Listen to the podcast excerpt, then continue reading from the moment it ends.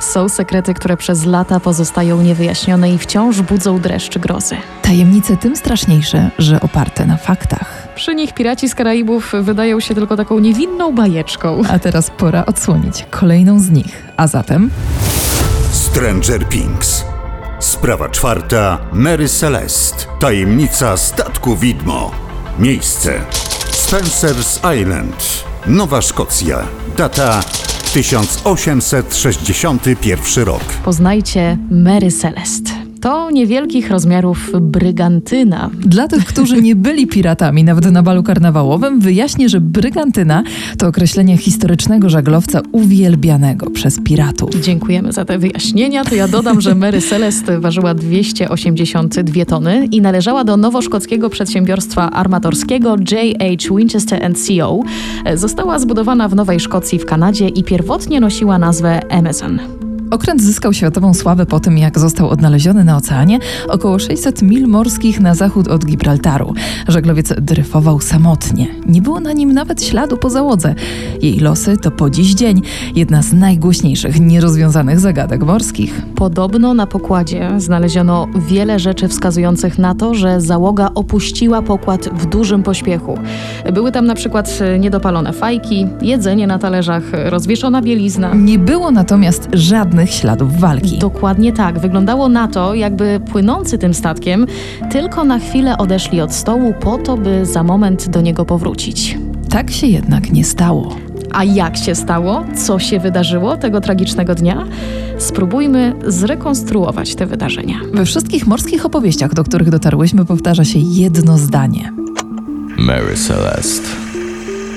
Ten okręt od początku miał jakiegoś pecha. Jego pierwszy kapitan Robert McLellan zaledwie w 9 dni po rozpoczęciu rejsu zmarł na zapalenie płuc.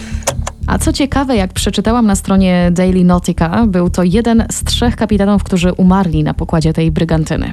John Nutting Parker, kolejny dowódca po McClellanie, y, doprowadził do zderzenia statku z kutrem rybackim. Przez to trzeba go było oddać do remontu. Do tego podczas tego remontu na pokładzie wybuchł pożar. Kolejny kapitan został zdymisjonowany po tym, jak Amazon zderzył się z innym statkiem na kanale La Manche. Ale tam się działo. No. Nawet chyba więcej niż w tym programie o przygodach Antka Królikowskiego na Atlantyku. Oj, zdecydowanie, ale to nie jest koniec. W 1867 Amazon został uszkodzony przez sztorm, a po 10 miesiącach wystawiono go na sprzedaż po okazyjnej cenie za jedyne 1750 dolarów. Kupił go niejaki Richard Haynes, wyremontował, a przy okazji zmienił nazwę no i od tej pory Amazon miał się nazywać Mary Celeste. Ale w zasadzie skąd ta nazwa? Czy tak miała na imię żona, córka, a może kochanka Heinza? Trudno powiedzieć. Podobno nowy właściciel nie chciał zdradzać, dlaczego właśnie Mary Celeste. W październiku 1872 roku brygantynę kupiły cztery osoby. Wśród nich Benjamin Spooner Briggs, który został też kapitanem statku. Nie miał pojęcia, że niecały miesiąc później jego nowy nabytek stanie się miejscem jednej z najgłośniejszych morskich tragedii. Miejsce. Port w Nowym Jorku. Data 7 listopada 1872 roku. Mary Celeste miała wyruszyć do Genui 5 listopada, jednak ze względu na trudne warunki pogodowe kapitan Briggs opóźnił wypłynięcie o dwa dni. Na pokładzie zameldowała się załoga, pierwszy i drugi oficer, kucharz, czterech niemieckich marynarzy, a także 30-letnia żona kapitana Sarah i ich dwuletnia córka Sofia Mathilda. Dodam, że Mary Celeste transportowała beczki ze spirytusem. Dokładnie, 1701 beczek ze spirytusem. I ten ładunek będzie kluczowy w dalszej części tej opowieści. Tymczasem żaglowiec spokojnie przemierza Atlantyk. Jak czytamy w dzienniku pokładowym kapitana Briggsa, e, przez pierwsze dwa tygodnie rejsu statek pokonywał około 150 mil morskich dziennie. Warunki były dobre, samopoczucie pasażerów także. Na kolejnej stronie Briggs napisał, że znajdują się około 227 mil morskich na zachód od azorskiej wyspy Santa Maria, a później zanotował jeszcze tak. 25 listopada, 8 rano. Płyniemy ze stałą prędkością w kierunku południowo-wschodnim. Był to ostatni wpis dokonany przez kapitana Benjamina Briggsa. 4 grudnia sternik statku Dei Gratia John Johnson zauważył, jak już wcześniej wspomniałam, w odległości około 600 mil od Gibraltaru dryfujący żaglowiec. Zawołał kapitana Davida Morehouse'a, który postanowił sprawdzić, co się stało. Gdy zorientował się, że to Mary Celeste, był w szoku. Świetnie znał ten żaglowiec i jego dowódcę. Część załogi Dei Gracia przedostała się na pokład dryfującej brygantyny.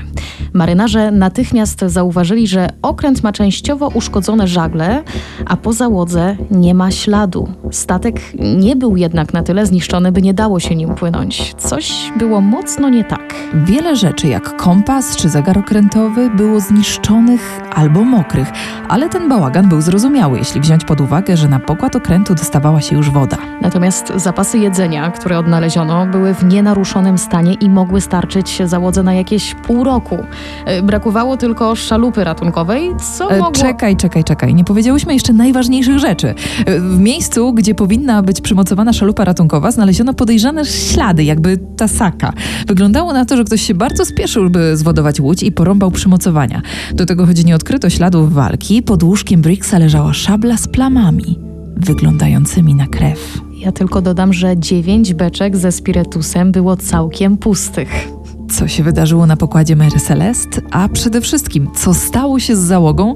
Niestety śledztwo nie przyniosło żadnych wiarygodnych odpowiedzi. Za to rozpoczęło falę różnych teorii na ten temat, łącznie z tymi najbardziej fantastycznymi. Żeby podać tylko kilka z nich, y, trójkąt bermudzki, kraken lub inny potwór morski, który porwał ludzi, klątwa, UFO, meteoryt. I kucharz e, morderca. Tak. Tak. tak, tak, Wiele osób święcie wierzyło w to, że kucharz pokładowy był chory psychicznie. Najpierw otruł załogę, a potem w pośpiechu opuścił statek na szalupie ratunkowej i pewnie porwał go ocean. Do tego atmosferę podgrzali właściciele statku Mary Celeste. Oskarżyli załogę Dei Gracia o to, że to oni zamordowali zaginionych. Jednak ponowne przeszukanie okrętu nie przyniosło żadnych dowodów na to, że zostało tam popełnione przestępstwo. Prokurator generalny Gibraltaru Frederick Soliflut mnożył spiskowe teorie. Jak przeczytałam na Explorers Web, uważał na przykład, że załoga statku się zbuntowała i po wypiciu spirytusu z dziewięciu beczek zamordowała kapitana oraz jego rodzinę, a ich ciała wyrzuciła za burtę. Potem buntownicy odpłynęli szalupą na jakąś bliżej nieznaną wyspę, ale adwokaci szybko obalili te teorie. Spirytus w tych beczkach nie nadawał się do wypicia. Był w nim alkohol denaturowany. Gdyby ktoś go wypił, mógłby się śmiertelnie zatruć. Ale Flut nie odpuszczał. Stwierdził, że Briggs i kapitan Dei Gracia Morehouse zawiązali spisek, który miał na celu wyłudzenie odszkodowania za odnaleziony statek.